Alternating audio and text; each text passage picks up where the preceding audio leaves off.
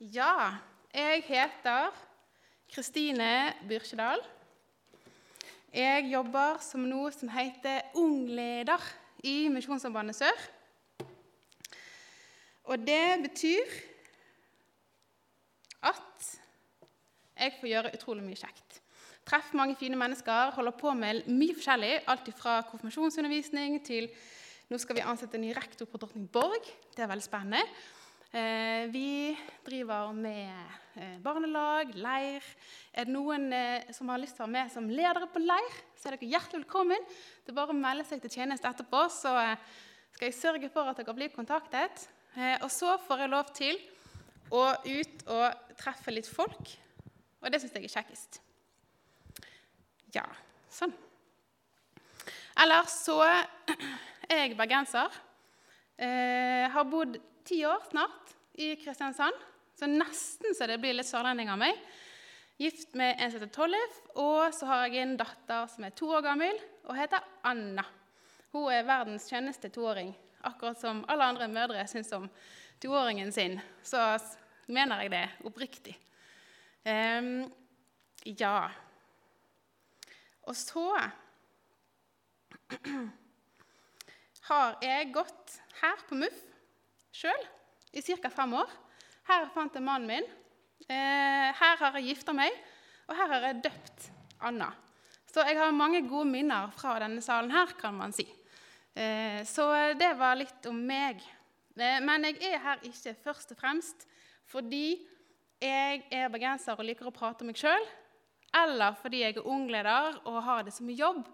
Jeg er her først og fremst fordi jeg tror at Gud er min skaper, at Jesus er min frelser, og at Den hellige ånd er min veiviser og hjelper. Og i dag skal jeg snakke på en måte litt om alle tre. Først så vil jeg bare be litt. Kjære gode far, takk for at du er her. Takk for at du er en god Gud. Takk for at Bibelen er sann.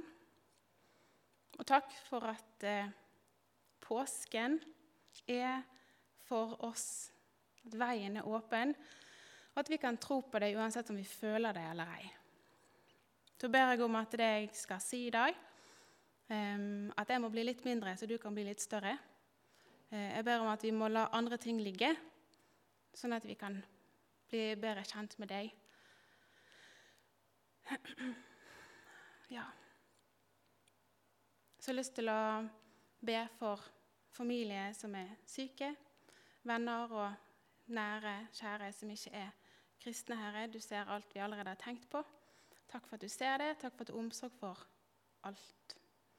I Jesu navn. Amen. Ja, jeg har tenkt å ha en andakt for dere med overskriften 'Erfaring versus realitet'. Gud, hvorfor sover du? Um, og det syns jeg sjøl er en litt sånn sprek, en litt sprek heading. Um, og jeg har fått mange av de her gullkorna som på en måte har hjulpet meg, egentlig, av en som heter Ingvald André Kårbø. Han er òg en vestlending. Um, en skikkelig klok en. Uh, og han var bibelskolelæreren min på Fjellheim for noen år siden. Han har eh, vist meg mye av det jeg har tenkt å si til dere i dag. Eh, og det første jeg har tenkt å gjøre, er å lese en hel salme for dere. Salme 44 har 27 vers, og dere skal få den på veggen.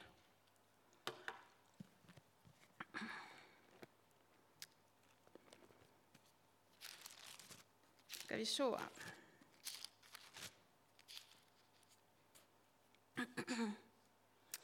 Til sangmesteren av Koras barn en læresalme. Gud, med våre ører har vi hørt, våre fedre har fortalt oss om den gjerning du gjorde i deres dager, i gamle dager. Du drev hedningene ut med din hånd, men våre fedre plantet du. Du ødela folkeslag, men våre fedre lot du utbre seg. For ikke ved sitt sverd inntok de landet, og deres arm frelste dem ikke. Men din høyre hånd og din arm og ditt åsyns lys, for du hadde behag i dem. Du er min konge, Gud. Påby at Jakob skal frelses. Ved deg skal vi støte ned våre fiender. I ditt navn skal vi trå ned dem som reiser seg imot oss. For jeg stoler ikke på min bue, og mitt sverd frelser meg ikke. Men du har frelst oss fra våre fiender og de som hater oss, har du gjort til skamme. Vi roser oss av Gud hele dagen. Vi priser ditt navn til evig tid. Sela.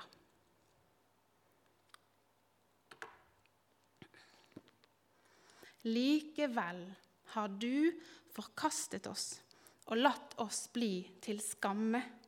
Du drar ikke ut med våre hærer, du lar oss vike tilbake for fienden, og de som hater oss, tar oss til bytte.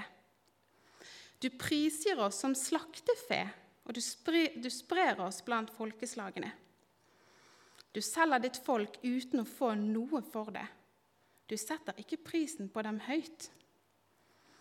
Du gjør oss til hån for våre naboer, til spott og spe for dem som bor omkring oss. Du gjør oss til et ordspråk blant hedningene, og de rister på hodet av oss blant folkene. Hele dagen står min skam for mine øyne, og vanære dekker mitt ansikt når jeg hører spotterens røst, og den som håner oss, når jeg ser fienden og den som vil ha hevn. Alt dette er kommet over oss, enda vi ikke har glemt deg og ikke har sveket din pakt. Vårt hjerte vek ikke tilbake, og våre skritt bøyde ikke av fra din vei. Likevel har du knust oss der hvor sjakalene bor, og dekket oss med dødsskygge.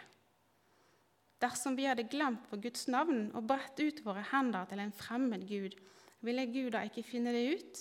Han kjenner jo hjertets skjulte tanker.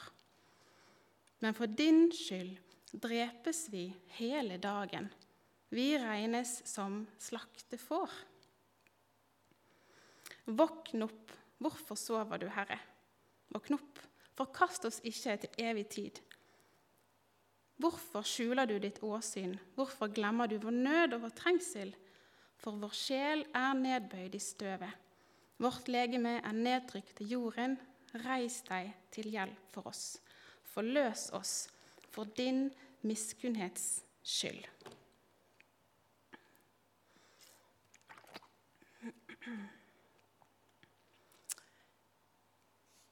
Yes. Wow. Det står helt innledningsvis i den salmen at salmen er skreven av Koras barn, og at det er en læresalme.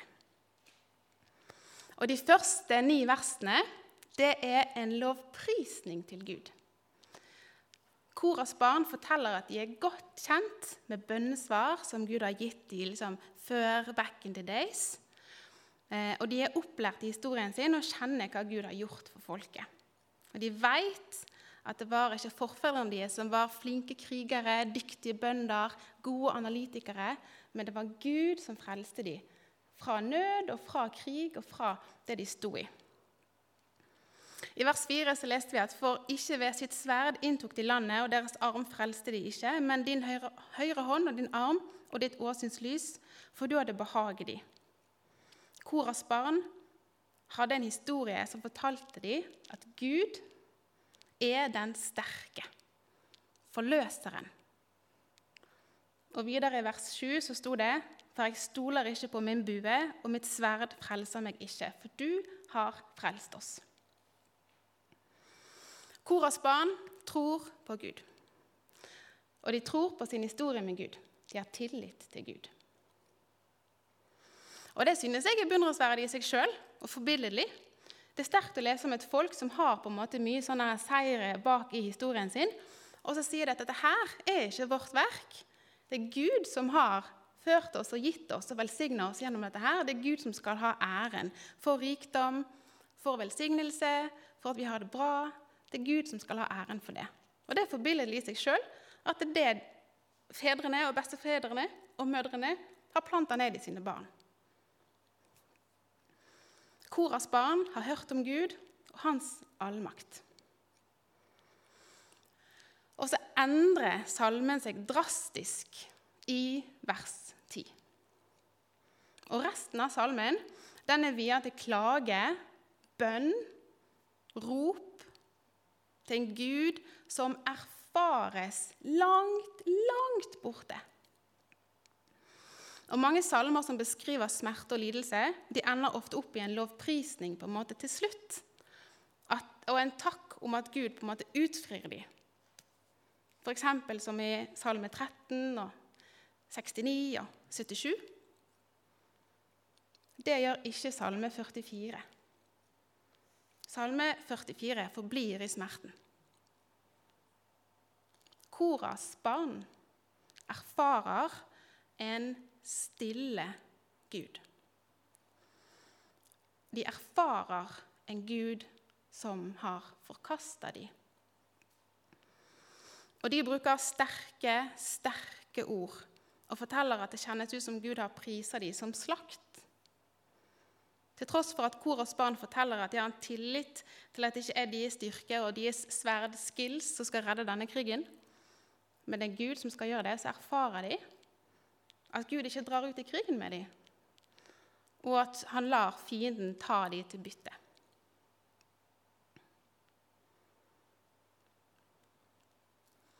Det tar hjertet mitt når jeg leser det de skriver. At vårt hjerte vek ikke tilbake, og våre skritt bøyde ikke av fra din vei. Og likevel så har du knust oss der hvor sjakalene bor, og dekket oss med dødsskygge. Det er alvorlig smerte på Koras barn. Og så Mot avslutningen i salmen så sto det:" Våkn opp, hvorfor sover du, Herre? Våkn opp, forkast oss ikke til evig tid. Hvorfor skjuler du ditt åsyn? Hvorfor glemmer du vår nød og vår trengsel? Koras barn erfarte mørket. Og de erfarte at mørket det er ensomt, og at det er gudløst. Erfarer du at Gud er med deg i din krig? Vår opplevelse av Gud henger ofte sammen med hvordan vi opplever selve livet. Vi skulle gjerne ønske at når livet ble vanskelig, så at Gud måtte opplevdes nærmere enn noen gang, men så er det mange som da kan fortelle om at Gud oppleves langt borte. Og så er det umulig for meg å vite hvordan hver enkelt her har det, og hvilke erfaringer du har som preger deg på godt og vondt. Men alle mennesker kommer til å møte smerte. Kommer til å møte sorg og skuffelse. Og kanskje det er en vanskelig situasjon akkurat nå. Og så er det ikke ukristelig, ulovlig eller syndig å rope til Gud Gud, sover du? Bibelen tegner ikke et glansbilde av virkeligheten eller bare beskriver hvordan livet egentlig er, eller egentlig burde være, eller ideelt sett eh, burde være. Og jeg tror at personer som Jobb i Bibelen, eller kong David eller Jeremia, profeten, undrer seg kanskje innimellom på om Gud sov, eller hvor han var henne. Koras barn de er desperate. Og salmen den avsluttes i smerte. Og Noen mennesker de må leve med smerten de er påført livet ut. Og vi må møte hverandre med omsorg, kjærlighet, tålmodighet og vennlighet, for vi veit ikke hva andre står i. Bibelen taler sant om livet. Bibelen holder oppe vår erfaring, tiltaler han og anerkjenner han. Og vi kan som Koras barn rope på Gud fra dypet i hjertet. Gud kjenner deg. Gud ser din erfaring, på godt og vondt, og tar han på alvor. Samtidig holder Bibelen opp realiteten om Guds kjærlighet for deg. Han sover ikke, men lider sammen med deg i det du står i, og går i forbønn for deg. Paulus plukker opp Salme 44 i Romerne 8. Og vi skal lese Romerbrevet 8, 31-39. Og det blir som et svar på Salme 44.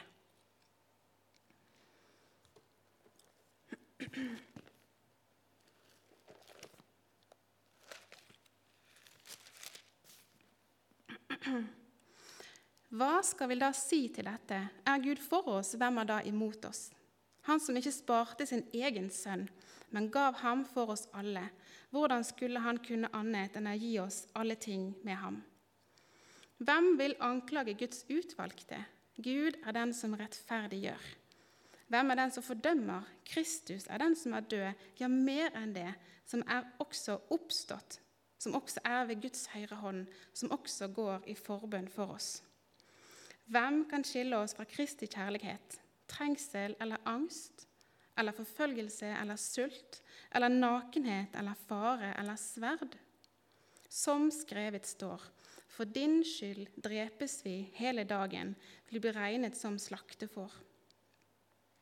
Men i alt dette vinner vi mer enn seier ved Ham som elsket oss. For jeg er viss på at verken død eller liv, verken engler eller krefter, verken det som nå er, eller det som komme skal, eller noen makt, verken høyde eller dybde, eller noen annen skapning, skal kunne skille oss fra Guds kjærlighet i Kristus Jesus, vår Herre. Men i alt dette vinner vi mer enn seier ved Ham som elsket oss. Gud har en evig plan for deg. Og vi vinner mer enn seier i Kristus Jesus. For jeg er viss på at verken død eller liv, verken høyde eller dybde, eller noen annen skapning skal kunne skille oss fra Guds kjærlighet i Kristus Jesus, vår Herre. I Bibelen så finner vi begge deler. Erfaringen og Av og til så kan vi erfare det som Koras barn erfarte.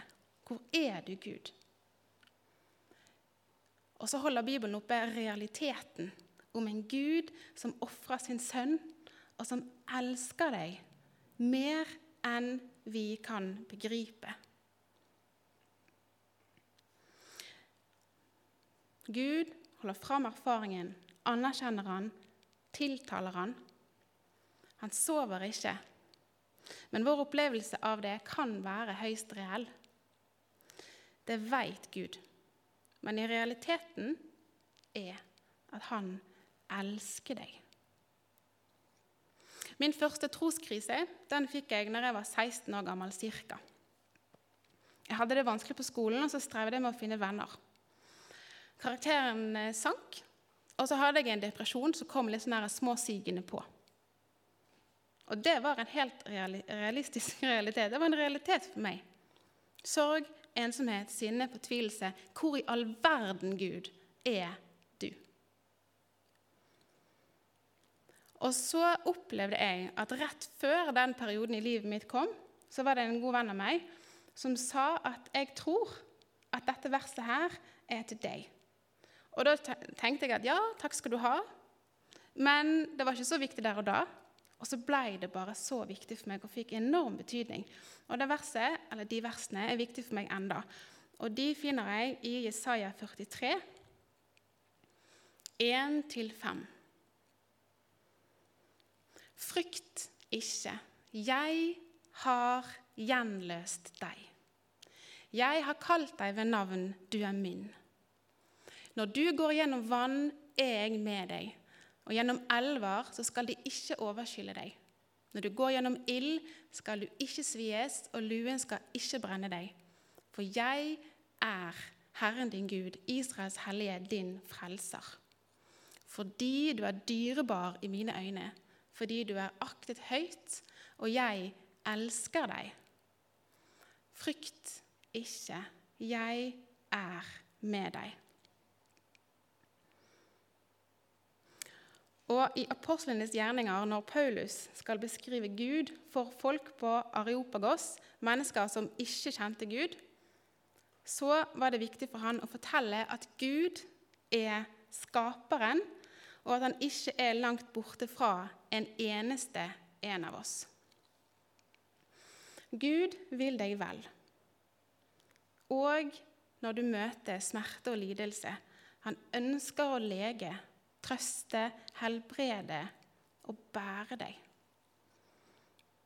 Ikke alltid sånn som vi ber om, og ikke alltid sånn som vi håper og tenker, men på hans kjærlige, allmektige måte. Og så er vi på vei inn i påsken. Og I påsken så skjer det store greier. Har vi egentlig fått det med oss? For min del så sitter det egentlig mest i toppen. Det tar liksom Denne halvmeteren fra toppen og ned til hjertet den er ganske lang. Det er fullbrakt. Han er oppstått. Himmelen er åpen. En himmel hvor sorg og smerte og tårer er borte. En himmel hvor alt er godt, og hvor våre erfaringer vil stemme overens med realiteten om at Gud ikke er langt borte fra en eneste en av oss. Og så Avslutningsvis så vil jeg understreke det at den, den erfaringen du har, er viktig å ta på alvor, om man er god eller dårlig. Erfaringene dine preger tilværelsen din. Du er skapt på underfullt vis, kjent av Gud. Gud kjenner hele deg. Har kalt deg ved navn og akter deg høyt. Det er realiteten. Men Bibelen holder oppe både erfaringen og realiteten og omtaler de begge to. Og når erfaringen kolliderer med sannheten om Gud, kan du som Koras barn og mange andre rope til Gud. Fortelle han med de ærligste ordene du har, hvordan det oppleves å være i det du bærer på, for han hører deg. Og så er jeg overbevist om at han gråter med deg og går med deg og hvisker deg i øret til du tror det. Jeg er ikke langt borte fra deg. Du er akta høyt av meg. Jeg døde og oppsto for deg. Jeg vil lede deg hjem til far. Påsken det er en kjærlighetshøytid. Jesus har seira en gang for alle over mørkets makt. Og verken høyde, dybde, krefter eller noen annen skapning skal kunne skille oss fra Kristus Jesus og Guds kjærlighet. Jesus, Gud og Den hellige ånd gjorde det for deg. Og du er høyt elska. Jeg vil bare be kort. Kjære gode far. Takk for at det er rom for både klage og tilbedelse, nød og jubel. Takk for at du ønsker, ønsker hele mennesket, Gud. Eh, takk for at eh, du er oppstått. Og takk for at vi kan komme som barn på en fullkommen fars fang, Herre. I Jesu navn. Amen.